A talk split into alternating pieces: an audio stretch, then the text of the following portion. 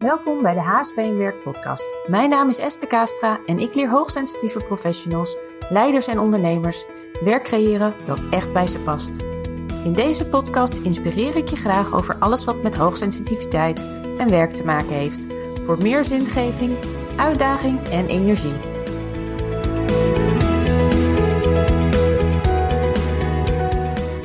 Goedemiddag of goedemorgen of goedenavond. Leuk dat je weer luistert. Welkom bij de HSP en Werk podcast en vandaag wil ik het met je hebben over jouw HSP-profiel. Maar allereerst wil ik je even heel erg bedanken voor het luisteren. Ik kan je niet zien, ik weet niet wie je bent, maar als je luistert, vind ik het super gaaf als je het me even laat weten. Dus stuur me gerust een berichtje of laat even een, een berichtje achter op Instagram. Of maak een screenshot en zet hem op Instagram. Hartstikke leuk. Nou, vandaag wil ik het met je hebben dus over je HSP-profiel. Zelf ben ik een hoogsensitieve, introverte, sensatiezoekende, strong-willed HSP. En nou ja, dat zijn een aantal kenmerken die dus onder de hoogsensitiviteit kunnen vallen en die ik met je door wil nemen. Want wat is er allemaal mogelijk? Nou, je bent dus hoogsensitief en daarnaast kan je ook introvert of, extravert zijn. Nou, ongeveer 70% van de hoogsensitieve personen is introvert. En als je introvert bent, dan hou je vooral van een rustige omgeving. Je treedt niet zo snel naar buiten. Je laat vooral op als je alleen bent. En dat is ook het, het kenmerk. Dus de extraverte laat op van mensen om zich heen. En de introverte persoon laat vooral op van alleen zijn. Dus soms kan het dus wel eens zo zijn dat mensen zeggen: Goh, maar je bent toch heel makkelijk in contact. Je bent toch heel extravert. Ja, dat kan. Dus het kan dus best dat jij in contact leggen heel spontaan en heel extravert bent, maar dat je van nature introvert bent, omdat je wel moet opladen in je eentje. En dat is wat jou introvert maakt. Dus je haalt eigenlijk meer energie uit je innerlijke belevingswereld dan uit de buitenwereld. Nou, je energie ligt vooral ook op je eigen gevoelens en gedachten. En je neemt vaak wat meer tijd om na te denken voordat je een reactie geeft. Als je extravert bent, dat zijn ongeveer 30% van de hoogsensitieve personen is extravert. En daarvan zeggen mensen ook wel eens van, joh, kan jij nou hoogsensitief zijn? Want ja, dat zie je er echt niet aan. Maar die mensen die stuiteren als het ware door het leven en die zijn helemaal op als ze thuiskomen. Of ja, misschien ook wel nog wel niet, omdat ze juist energie hebben gekregen.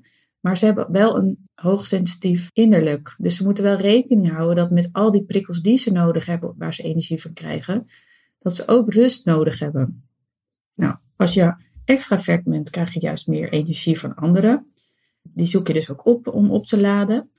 En dat kan dus ook heel goed voorkomen in combinatie met hoogsensitiviteit. En je gaat dus gewoon op zoek naar prikkels omdat je dat nodig hebt.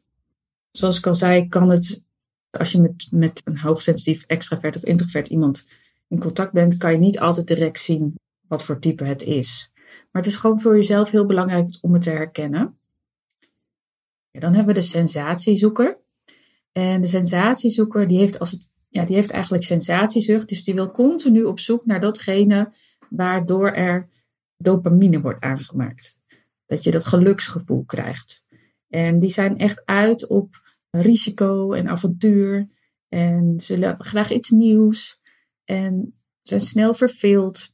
Dus een sensatiezoeker, het kan best ook zo zijn dat jij introvert bent en een sensatiezoeker. Dat ben ik bijvoorbeeld. Dus ik heb wel de prikkels nodig van nieuwe dingen, van uitdagingen, van afwisseling. Maar ik heb ook heel erg tijd nodig om helemaal alleen te zijn en op te laden. Dus dat kan wel eens het gevoel zijn alsof ik met één voet op het gaspedaal sta en op de andere op de rem. Dat heb je vast misschien wel eens uh, eerder gehoord. Maar ik weet dus van mezelf dat ik zo in elkaar steek en wat ik dus nodig heb in mijn werk. Ik heb in mijn werk dus ook afwisseling nodig, maar ook heel veel alleentijd om alles te verwerken, om ideeën te bedenken. Omdat ik dat weet, weet ik ook hoe ik mijn dagen inricht en wat voor mij belangrijk is. Je kan dus ook een niet-sensatiezoeker zijn. En dan heb je weer een hele andere gebruiksaanwijzing. Nou, daarnaast hebben we nog hoogbegaafd zijn. Dat is ook wat veel voorkomt. Ongeveer 2 tot 2,5 procent van de bevolking is hoogbegaafd. En daarbij wordt er echt van uitgegaan dat je IQ hoger is dan 130. Maar wat ik in de afgelopen tijd, nou jaren heb meemaakt, is dat IQ is echt niet het belangrijkste. En dat wordt ook steeds bekender. Want het hoogbegaafd zijn is eigenlijk een manier van denken. En ik vind dat het best wel heel erg op het hoogsensitieve brein lijkt. Hoe dat werkt. Zo werkt dat uh, brein van de hoogbegaafde ook. Alleen er gaan soms dingen nog net iets sneller. En dat is dus ook weer afhankelijk van hoe hoog je IQ is, hoe sneller het gaat. Dat is mijn, mijn visie erop. Nou, en ongeveer 10% van de hoogsensitieve personen die zijn hoogbegaafd. Onderzoek van Rianne van Venne in 2017 die toont aan dat 87% van de hoogbegaafden hoogsensitief is. Nou ja, er zijn heel veel theorieën en meningen over hoogbegaafdheid.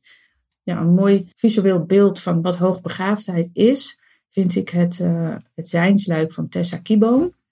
En daar heeft ze het over het cognitieve luik, dus het denken, en het zijnsluik, het voelen.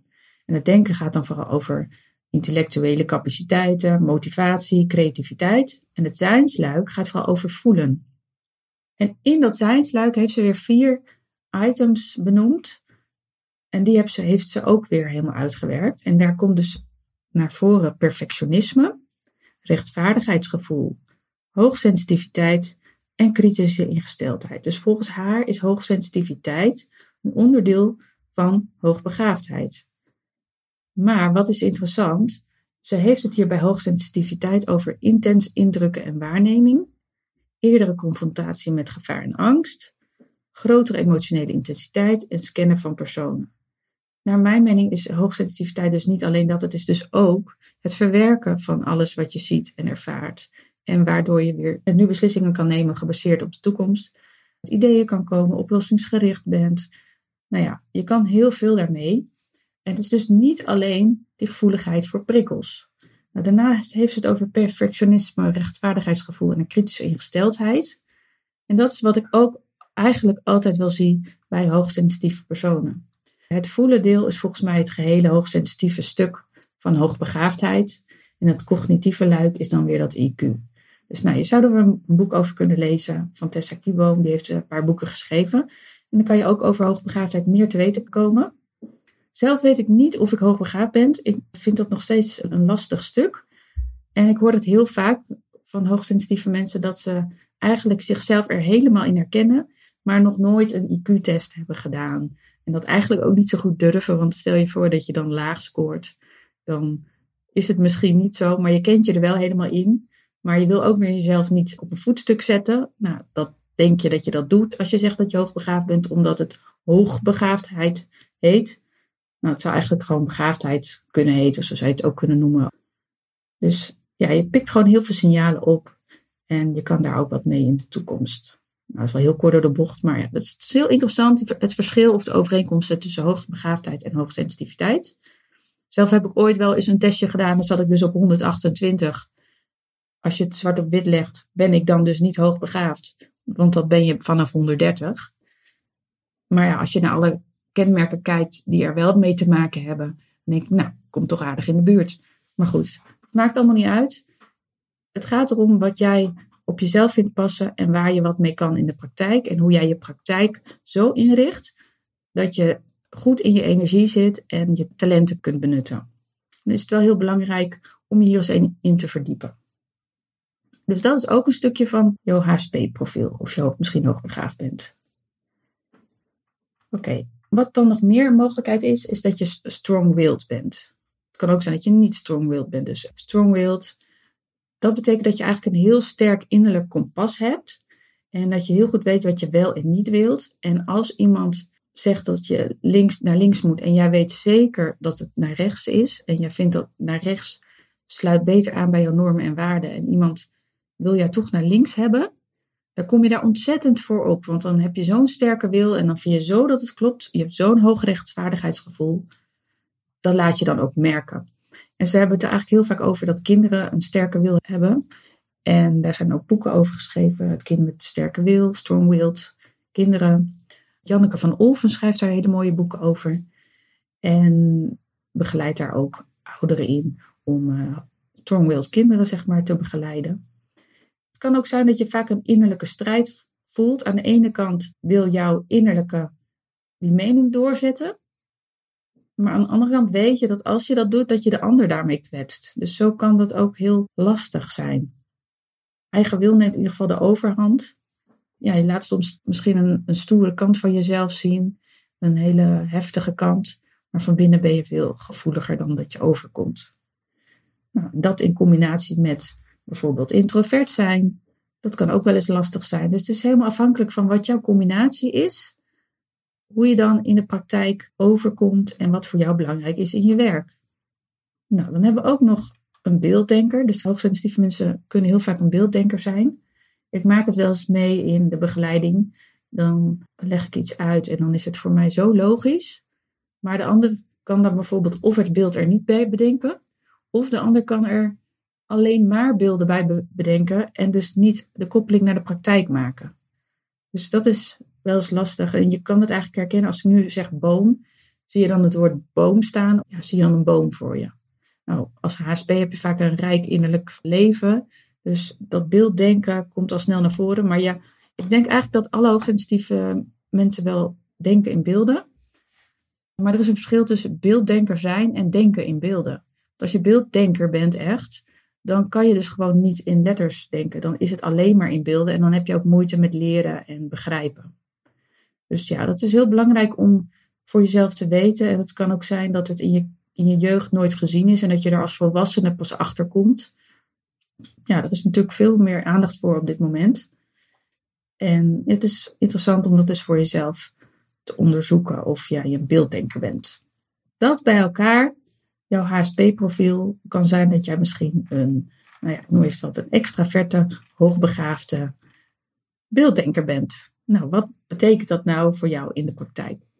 Ga daar eens mee aan de slag. Ga eens kijken van, nou, wat voor type ben ik nou? Je kan erover op googlen, je kan erover lezen. Mocht je het interessant vinden in het programma Sensitief Sterk in je Werk van HSP en Werk. Dat is een online programma. Kan eventueel ook in combinatie met coaching gevolgd worden. Daarin doe je allerlei testen om precies te ontdekken wat voor profiel jij hebt. En creëer je, je gebruiksaanwijzing voor je privé en je werk over hoe je daarmee omgaat. Kijk gerust eens op de site. Dus dat wou ik even met je delen. Als je nog vragen hebt, stel ze gerust. Dank je wel voor je tijd weer. Je hoort me in de volgende podcast.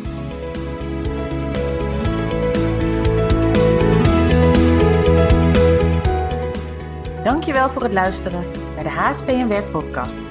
Wil je direct praktisch aan de slag met jouw HSP en Werk? Download dan een van de werkboeken op www.hspnwerk.nl/werkboek.